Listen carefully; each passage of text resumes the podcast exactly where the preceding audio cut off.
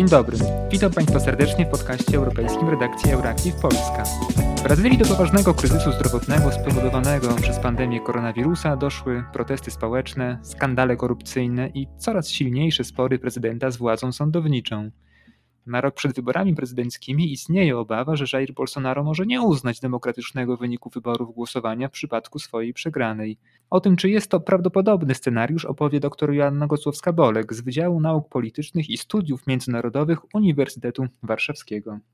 W Brazylii równo za rok odbędą się wybory prezydenckie. Brazylia ostatnio zniknęła z medialnych nagłówków, a przecież przez większość ubiegłego i tego roku największy kraj w Ameryce Łacińskiej przebijał się na czołówki serwisów, głównie ze względu na pandemię COVID-19. Jaka jest obecnie sytuacja w kraju? Dzisiaj, e, gdy rozmawiamy, to właśnie w Brazylii potwierdzi się e, prawdopodobnie 600 tysięcy przypadków śmiertelnych. E, to mhm. znaczy 600 tysięcy osób zmarło w związku z koronawirusem.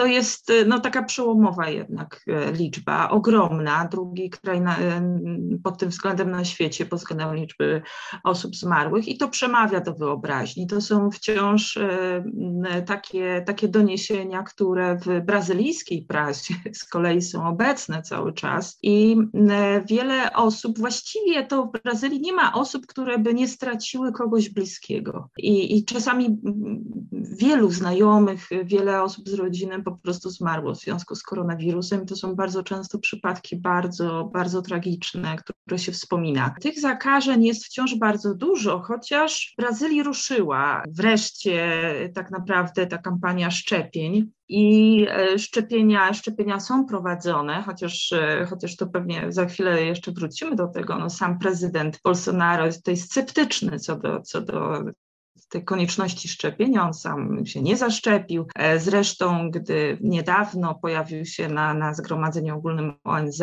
to okazało się, że jako osoba niezaszczepiona, no gdzieś tam wieczorem, nie został wpuszczony do żadnej restrykcji restauracji w Nowym Jorku, no i światowe media obiegły takie obrazki, zdjęcia, gdy, gdy prezydent no, 200-milionowego kraju e, zjada kawałek pizzy gdzieś tam na chodniku pod e, barem. Natomiast e, Brazylijczycy są już szczepieni i no, ciągle, ciągle jeszcze brakuje, dlatego że około 37% Brazylijczyków otrzymało dwie dawki, które mhm. uznaje się, że, że to jest no, pełni, w pełni, w pełni osoba zaszczepiona. Natomiast tam bardzo duża jest e, też liczba zakażeń tą bardziej e, zakaźną e, wersją Delta, więc, więc tutaj też wciąż jeszcze pojawia się bardzo dużo nowych przypadków. A jakie szczepionki są wykorzystywane w programie szczepień w Brazylii? No i, no i właśnie, tutaj, tutaj też dochodzimy do, do takiej kontrowersyjnej sprawy, no bo prezydent Brazylii dość sceptycznie podchodził w ogóle do kwestii konieczności szczepienia obywateli. On sam twierdził, że jeżeli ktoś jest zdrowy, tak jak on, jest tutaj atletą, e, mhm. prawda, uprawia sport, no więc nie potrzebuje, on sam przeszedł koronawirusa, no chwalił się później, że nic mu się nie stało, no więc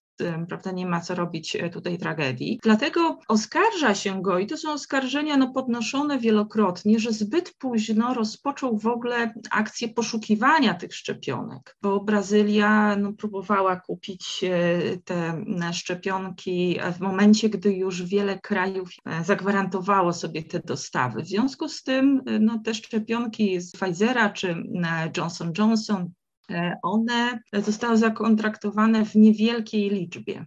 Natomiast no przede wszystkim e, tutaj była taka umowa, jeśli chodzi o szczepionki z Indii, e, później również z Chin, chociaż tu się okazało, też, że w końcu Brazylia obraziła się tam w którymś momencie na Chiny. Natomiast jeśli chodzi o te szczepionki z Indii, to też no, prezydent i jego administracja jest oskarżana tutaj i taki, taka, taka sprawa się toczy o to, że być może doszło tam do jakichś nieprawidłowości, bo cena była zbyt wysoka, bo te dostawy były nie w tym momencie, gdy były rzeczywiście potrzebne i tak dalej, i tak dalej. Także dookoła tej akcji szczepień jest też bardzo dużo i niejasności, wątpliwości i oskarżeń właśnie administracji prezydenta Bolsonaro o to, że nie dopilnował, nie zadbał o te szczepionki. Mhm. Proponuję do tych oskarżeń formułowanych wobec administracji e, prezydenta Bolsonaro jeszcze wrócić e, w dalszej części. Natomiast wspomniała Pani o zdjęciu, o zdjęciu e, z Nowego Jorku, które obiegło świat no i wzbudziło zainteresowanie właśnie w kontekście tej niemożności w związku z brakiem szczepień odwiedzenia restauracji w Nowym Jorku przez prezydenta, ale media na świecie też w ostatnich dniach w kontekście Brazylii obiegły inne zdjęcia. Mam na myśli zdjęcia jednego bodajże z brazylijskich portali, na których widać, no, co tu dużo mówić, wlędzniałych mieszkańców Rio de Janeiro, jeśli się nie mylę, którzy przyszukiwali e, stosy mięsa padliny, jak to opisywały media w ciężarówce. Media pisały również, no, że to właśnie symbol upadku Brazylii, e, a nawet wielki akt oskarżenia wobec prezydenta, jego administracji i tego, jak sobie radzi z kryzysem społecznym wywołanym pandemią koronawirusa. Zastanawiam się, czy rzeczywiście sytuacja jest na tyle dramatyczna, jak sugerują media, bo, bo, bo, bo te oczywiście można w różnych kontekstach czytać. Co się dzieje właśnie e, od tej strony społecznej e, w Brazylii obecnie? Rzeczywiście to, to był taki wstrząsający artykuł w ogóle, tych zdjęć było, było nawet więcej, gdzie, gdzie zostali sfotografowani Brazylijczycy poszukujący na jakiś resztek po prostu. I, i do tego komentarze, które mnie przekonały faktycznie, że, że do tej pory rzeczywiście tego nie było, to znaczy zdarzały się przypadki pojedyncze, gdy, gdy e, bardzo biedni e, Brazylijczycy poszukiwali no, jakiś tam resztek, natomiast no, w takiej skali e, rzeczywiście tych, e, tych e, takich osób w krajnej biedzie no nie było. Mhm. I jeżeli popatrzymy sobie na statystyki, to one niestety to potwierdzają. Dlatego, że no, cofając się trochę w, na pierwszej dekadzie obecnego stulecia, no, udało się wydźwignąć z tej biedy, jak się szacuje, 38 milionów Brazylijczyków. To jest rzecz naprawdę na, na, na skalę świata niebywała i, i bez precedensu. I teraz te osoby, które dołączyły do takiej mm, płynnej, ale jednak klasy średniej, osoby, które zaczęły już y, y, mieć pewne plany, miały jakąś stabilność finansową, mogły posłać dzieci do szkoły, a nie do, do, do jakiejś tam pracy ulicznej, czy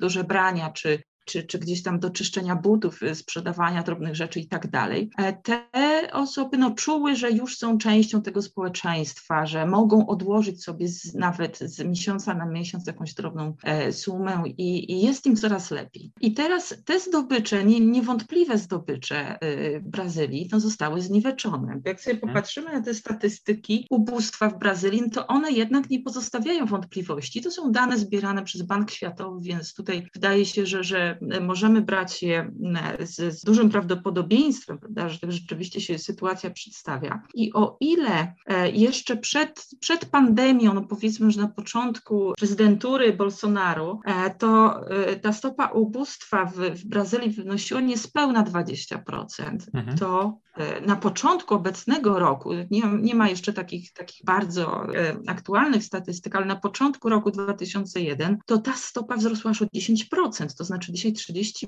blisko 30% Brazylijczyków jednak jest w tej najuboższej klasie. W Brazylii mieszka ponad 200 milionów osób. No, ale 30% to robi, robi prawda, wrażenie jednak, tym bardziej, że to jest tak ogromny wzrost w krótkim czasie. I do tego, jak sobie jeszcze e, wyobrazimy, że blisko 10% z tej olbrzymiej jednak e, liczby to są osoby w skrajnym ubóstwie, gdzie autentycznie ta sytuacja jest taka jak na tym o, zdjęciu, które Pan tutaj mhm. przywołał. I to też jest wzrost ogromny, bo z, z 6%, 6,1% do blisko 10%, tak, to nam pokazuje, jaka to jest skala. I teraz Brazylijczycy to widzą, dlatego że, że ich rodziny, ich znajomi, którzy, którzy do tej pory no już jakoś tam sobie radzili, już mieli właśnie plany, już wydawało się, że też e, e widzą wyjście jakby z tej trudnej sytuacji dla swoich dzieci, lepszą przyszłość, teraz znowuż zostali zepchnięci do tej klasy ubogiej albo wręcz do tych najuboższych. I mają poczucie, że te obietnice, które gdzieś tam padały po drodze, którymi no, często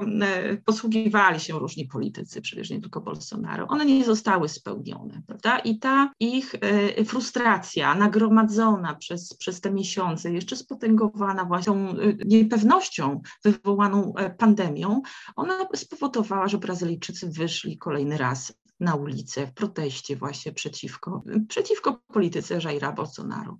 No właśnie, wspomniała Pani o protestach, które odbyły się e, w ubiegły weekend, e, ale to, co mnie się wydało ciekawe z jednej strony, poza wieloma oczywiście innymi aspektami, tym całym e, oburzeniem Brazylijczyków zepchniętych czy wepchniętych w biedę w trakcie pandemii koronawirusa, było to, że były to protesty, zdaje się, organizowane oddolnie, to znaczy nie przez największą partię opozycyjną, partię pracujących, a przez pomniejsze ugrupowania i też takie, które starają się zaproponować proponować też jako polityczne rozwiązanie, no nieco inną, trzecią drogę, jak jest to chyba określane, prawda, w Brazylii w ramach tego obecnego klinczu politycznego. Czy można, czy moglibyśmy coś więcej na ten temat powiedzieć i czy też ewentualnie rodzi się jakiś być może nowy ruch polityczny w Brazylii, który mm, będzie stanowił alternatywę?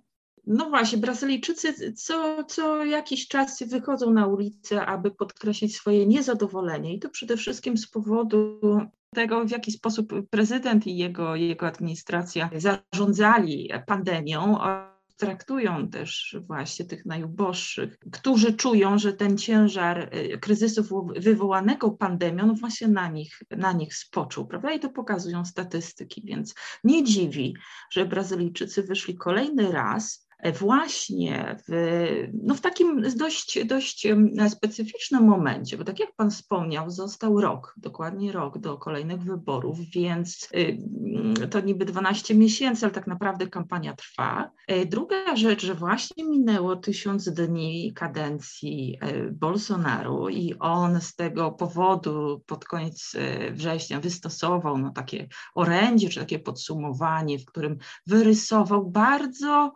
pozytywny, wręcz entuzjastyczny obraz Brazylii i wielu Brazylijczyków nie rozpoznało tej Brazylii, o której on mówił. I to zresztą y, widzimy również, gdy na początku września y, właśnie w Zgromadzeniu Ogólnym ONZ Bolsonaro wypowiadał się, no tam była inna widownia, tak, inna publiczność, ale też mówił bardzo optymistycznie o swoich dokonaniach. I o tym, jaka Brazylia jest dzisiaj cudowna, jest dobrym miejscem do, do, do y, życia, do robienia biznesu i tak dalej. I to też jest taki obraz, którego wielu polityków nawet nie rozpoznało. I to, to, to się pojawiła taka krytyka ale wydaje się, że też, no też specyficzny moment, bo z tego powodu, że e, to była rocznica niepodległości Brazylii, prawda, też, też hucznie obchodzona i tutaj z kolei Bolsonaro z tej okazji zaprosił na ulicę i rzeczywiście wyszło e, sporo osób popierających Bolsonaro, a więc te demonstracje, które pojawiły się w różnych miejscach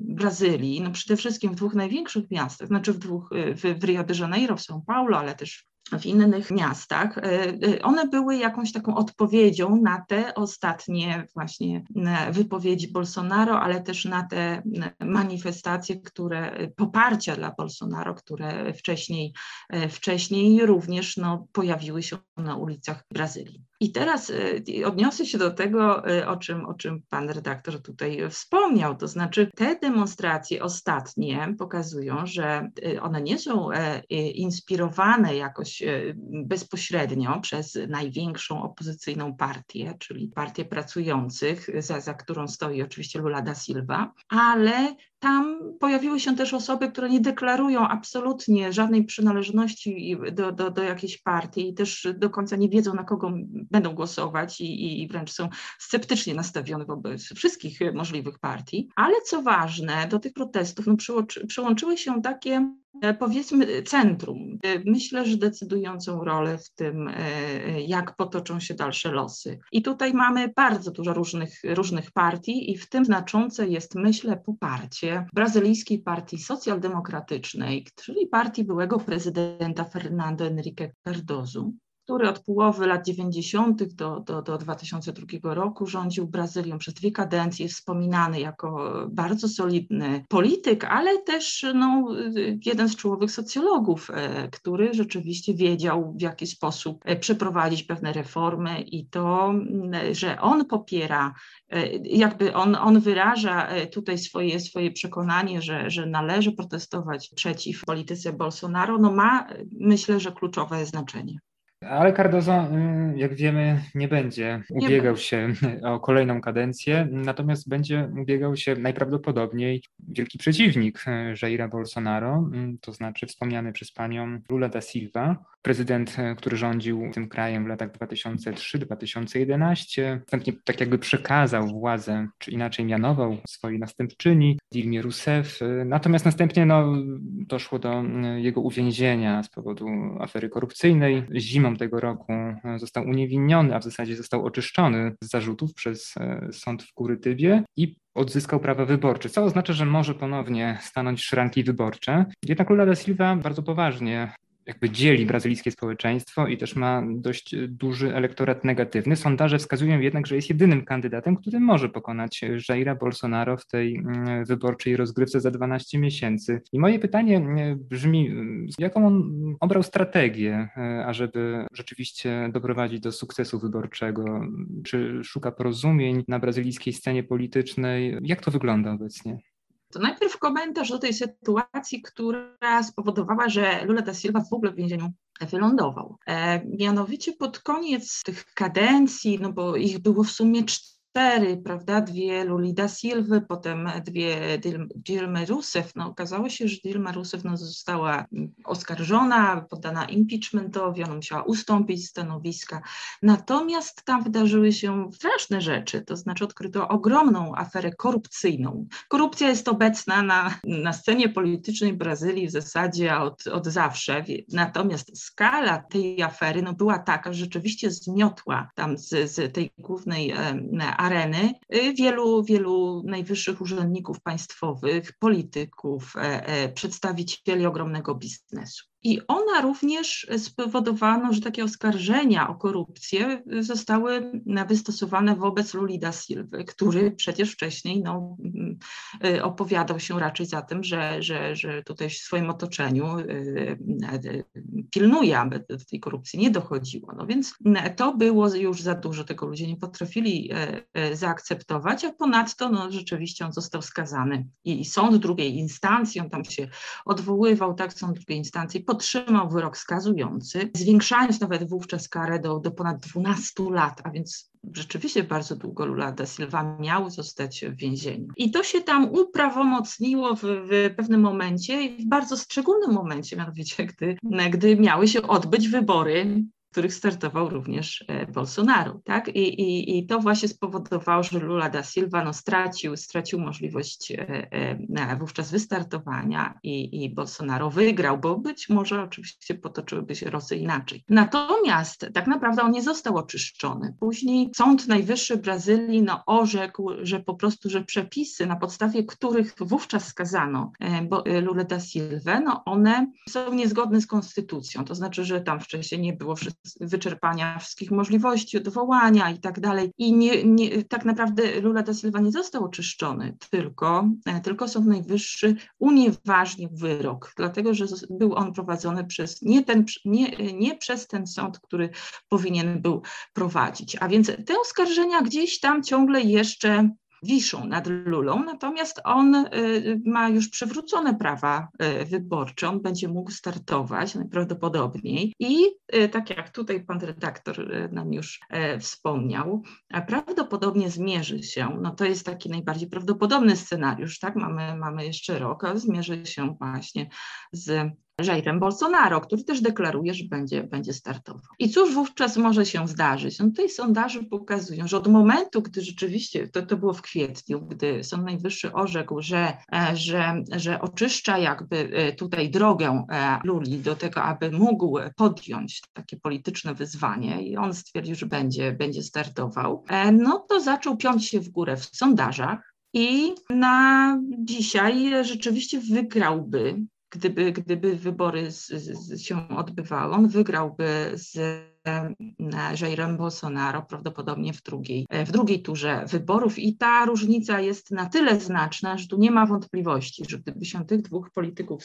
spotkało, to, to Lula wygra. I, obaj politycy mają duży elektorat, więc e, tutaj oczywiście jest bardzo, to jest, to jest społeczeństwo silnie spolaryzowane. Są takie osoby, które de deklarują, że na pewno nie zagłosują na Bolsonaro, albo też na, i, i takich osób jest 56%, e, na dzisiaj w, w, Brazylii, więc, więc całkiem dużo, ale też, też sporo osób deklaruje, że Lula nie zagłosuje, chyba że oczywiście, że nie będzie miało innego wyjścia, czyli gdyby się spotkali jednak ci dwaj politycy w drugiej turze. Czy jest ewentualnie polityk, osoba, która mogłaby być alternatywą dla tych dwóch głównych no rywali? I, I właśnie, jeśli na Lulę, prawda, według tych ostatnich sondaży, na Lulę głosowałoby gdzieś 46% Brazylijczyków, z kolei mniej więcej dzisiaj 26-24% deklaruje, mimo wszystko, mimo tych prawda, problemów tej, tej e, polityki, która nie była doskonała, jeśli chodzi o zarządzanie pandemią i tak dalej, deklaruje, że będzie głosowała na Bolsonaro, no to pozostaje nam tutaj taka pula 30% mniej więcej Brazylijczyków, którzy wciąż jeszcze nie podjęli decyzji i właściwie szukają kogoś, kto mógłby y, poprowadzić tę Brazylię, a nie byłby tak e, skrajnie lewicowy jak Lula da Silva, ani tak skrajnie prawicowy jak Jair Bolsonaro. I takich nazwisk na tej scenie politycznej jest, jest kilka i spośród osób, które już właściwie wstępnie zadeklarowały, że będą startować, to takie głośne nazwiska to będzie na pewno Jean Doria, to jest y, gubernator gubernator São Paulo, człowiek, który no, zapisał się pozytywnie w momencie, gdy zarządzał pandemią w tym największym mieście brazylijskim i, i on e, należy do brazylijskiej socjaldemokracji. E, Ciro Gomes, kolei z Partii e, Demokratycznej Partii Pracy.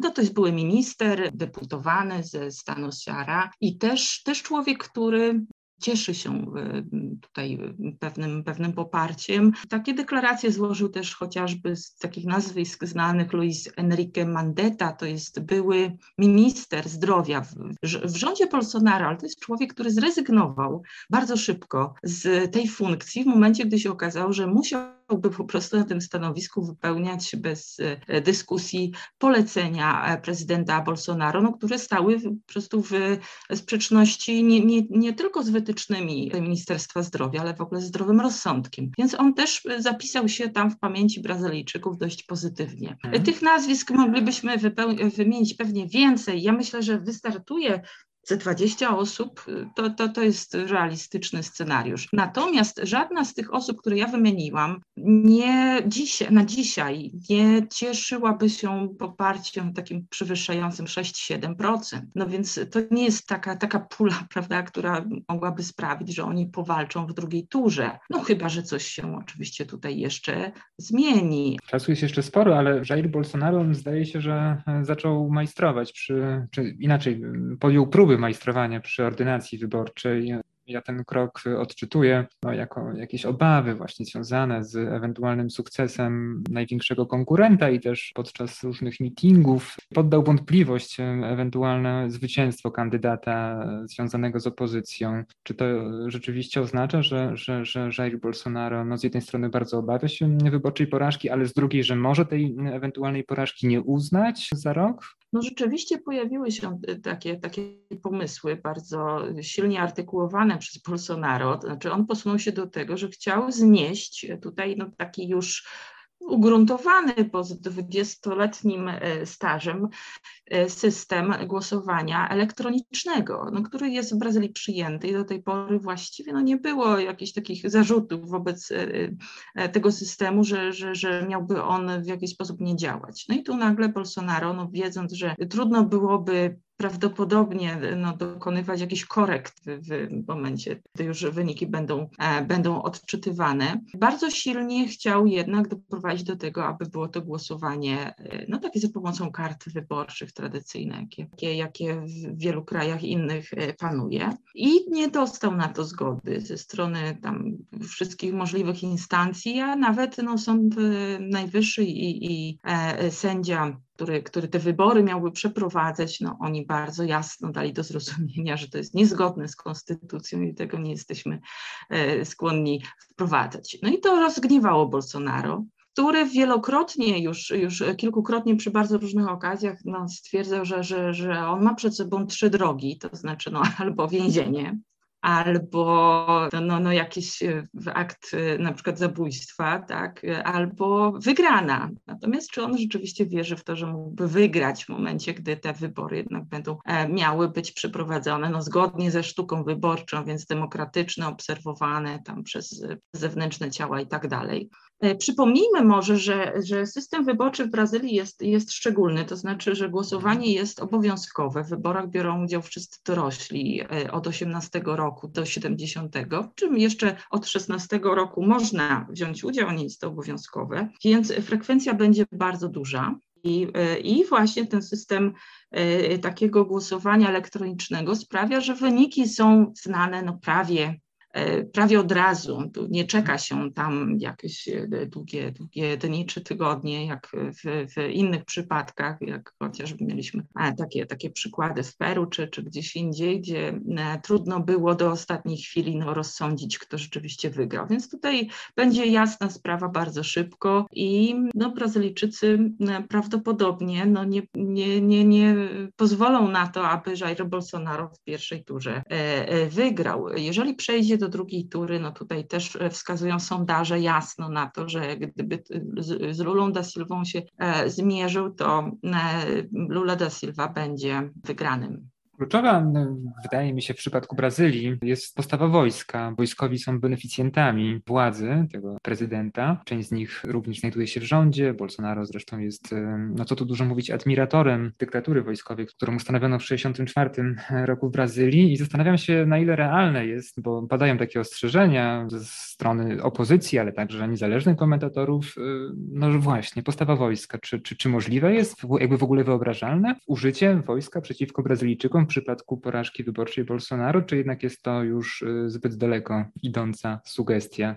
No dzisiaj rzeczywiście takie komentarze czasem się pojawiają. Zresztą Bolsonaro sam doprowadził do tego, bo, bo w niektórych momentach y, trudniejszych swojej prezydentury również, również wskazywał takie możliwości. Natomiast mnie się wydaje, że to jest absolutnie niemożliwe w przypadku Brazylii, że to, to, to jest tylko y, taki, taki komentarz polityczny, który ma oczywiście wywołać określone skojarzenia i doprowadzić do tego, żeby, żeby na przykład zastraszyć których polityków, tak aby postępowali no, no zgodnie z planami Bolsonaro i to widzieliśmy, że w momencie, gdy miał dojść do głosowania na przykład w kongresie, to e, Bolsonaro urządził e, taką paradę wojskową z ciężkim sprzętem przed pałacem e, prezydenckim, no po to, żeby, żeby jednak wywrzeć jakąś presję, żeby pokazać, że, że on ma po swojej stronie wojsko. Natomiast te wojsko mimo wszystko wydaje się, że dzisiaj jest stoi na jasnym stanowisku, że będzie się pilnować i, i tych instytucji demokratycznych e, nie pozwoli zniszczyć. I powiedziałabym, że w Brazylii te instytucje są bardzo stabilne, to znaczy instytucje zostały budowane przez lata w niełatwych okolicznościach i, i tutaj Brazylia dokonała ogromnych postępów właśnie w latach 90. za kadencji przede wszystkim Cardozu i później w latach już obecnego stulecia i te instytucje są silne, o czym świadczy fakt chociażby, że nawet jeżeli jest to absolutnie nie po myśli Bolsonaro, to są wszczynane i prowadzone śledztwa przeciwko jego y, najbliższym współpracownikom, przeciwko jego synom też, którzy są czynnymi politykami. I y, dochodzi do ujawnienia pewnych nieprawidłowości, ale też na przykład no, nie pozwolono Jairowi Bolsonaro na, na zmianę tej, tej ordynacji wyborczej i tak dalej. E, także tutaj chociaż Bolsonaro no sam siebie nazywa częścią tej, tej armii i on przy wielu okazjach wspomina, że był e, wojskowym i, i też lubi otaczać się właśnie wojskowymi, e, to tutaj wydaje mi się, że takiego niebezpieczeństwa, aby miało do, dojść do jakiegoś przewrotu wojskowego, że w Brazylii na dzisiaj trudno się dopatrzyć patrzeć. Pani doktor, na koniec chciałbym zapytać o inną sprawę, e, ale związaną oczywiście z Ameryką Południową, to znaczy o aferę Pandora Papers, to znaczy e, z tego dziennikarskiego ogromnego śledztwa wynika, że 35, jeśli się nie mylę, światowych przywódców, aż 14 e, jest związanych właśnie z Ameryką Łacińską. To są albo byli przywódcy, e, albo obecni. Zdaje się, że czynnych przywódców jest trójka, między innymi prezydent Chile. E, no jakby nie jest tajemnicą, że nierówności materialne, społeczne w Ameryce Łacińskiej są, są od zawsze znaczne, a też rządy prawa, no różnie z tym bywa. Natomiast zastanawiam się, w jaki sposób się komentuje te rewelacje dziennikarskie w kontekście w kontekście Ameryki Południowej właśnie. No rzeczywiście w tej aferze Pandora Papers e, jest e, ujawnionych wiele powiązań polityków i czynnych, właśnie trzech, trzech prezydentów obecnych, wielu byłych prezydentów, ale też bardzo wysokich polityków. W Brazylii również tych nazwisk jest bardzo dużo. Natomiast wydaje mi się, że, że takich afer już było na tyle dużo, niestety, prawda, to mówię z wielkim żalem i takim, takim wyrzutem jednak, że nie uczyni to y, jakiegoś takiego przełomu, to znaczy nie sprawi ujawnienie tych nazwisk, tych powiązań, nawet w przypadku prezydenta Chile, czy e, prezydenta Ekwadoru, prezydenta Gwatemali, tak, nie, nie uczyni to jakiegoś przewrotu, to znaczy nie, nie pozwoli doprowadzić do tego, aby te osoby no, były w pełni skompromitowane. Dlatego, że jednak społeczeństwa latynoamerykańskie no, są już przyzwyczajone do ogromnych afer. I, I, niestety, niestety, ale to nie doprowadzi do, do, do tego, że zostanie oczyszczona scena polityczna. I wydaje mi się, że w kolejnej turze wyborów, która przed nami w różnych krajach, y, również będą wygrywały osoby, które e, może trochę przypadkowo czasem się pojawią, ale będą e, głosiły, że o, ja nie jestem związany z żadną partią polityczną, mam pomysł na to, jak poradzić sobie właśnie z korupcją, z przemocą, e, ponieważ, e, ponieważ nie jestem umoczony w cudzysłowie w e, te afery, które się dotąd e, pojawiły. E, I to często są osoby o radykalnych poglądach, o mm, takie ideologicznie nie do końca akceptowane, a jednocześnie no, traktowane jako zło konieczne, no bo to jest osoba, która właśnie niezwiązana z, z tymi skorumpowanymi politykami, no, daje jakąś szansę na to, że będzie inaczej. Dziękuję bardzo za rozmowę, a Państwu za wysłuchanie podcastu. Do usłyszenia.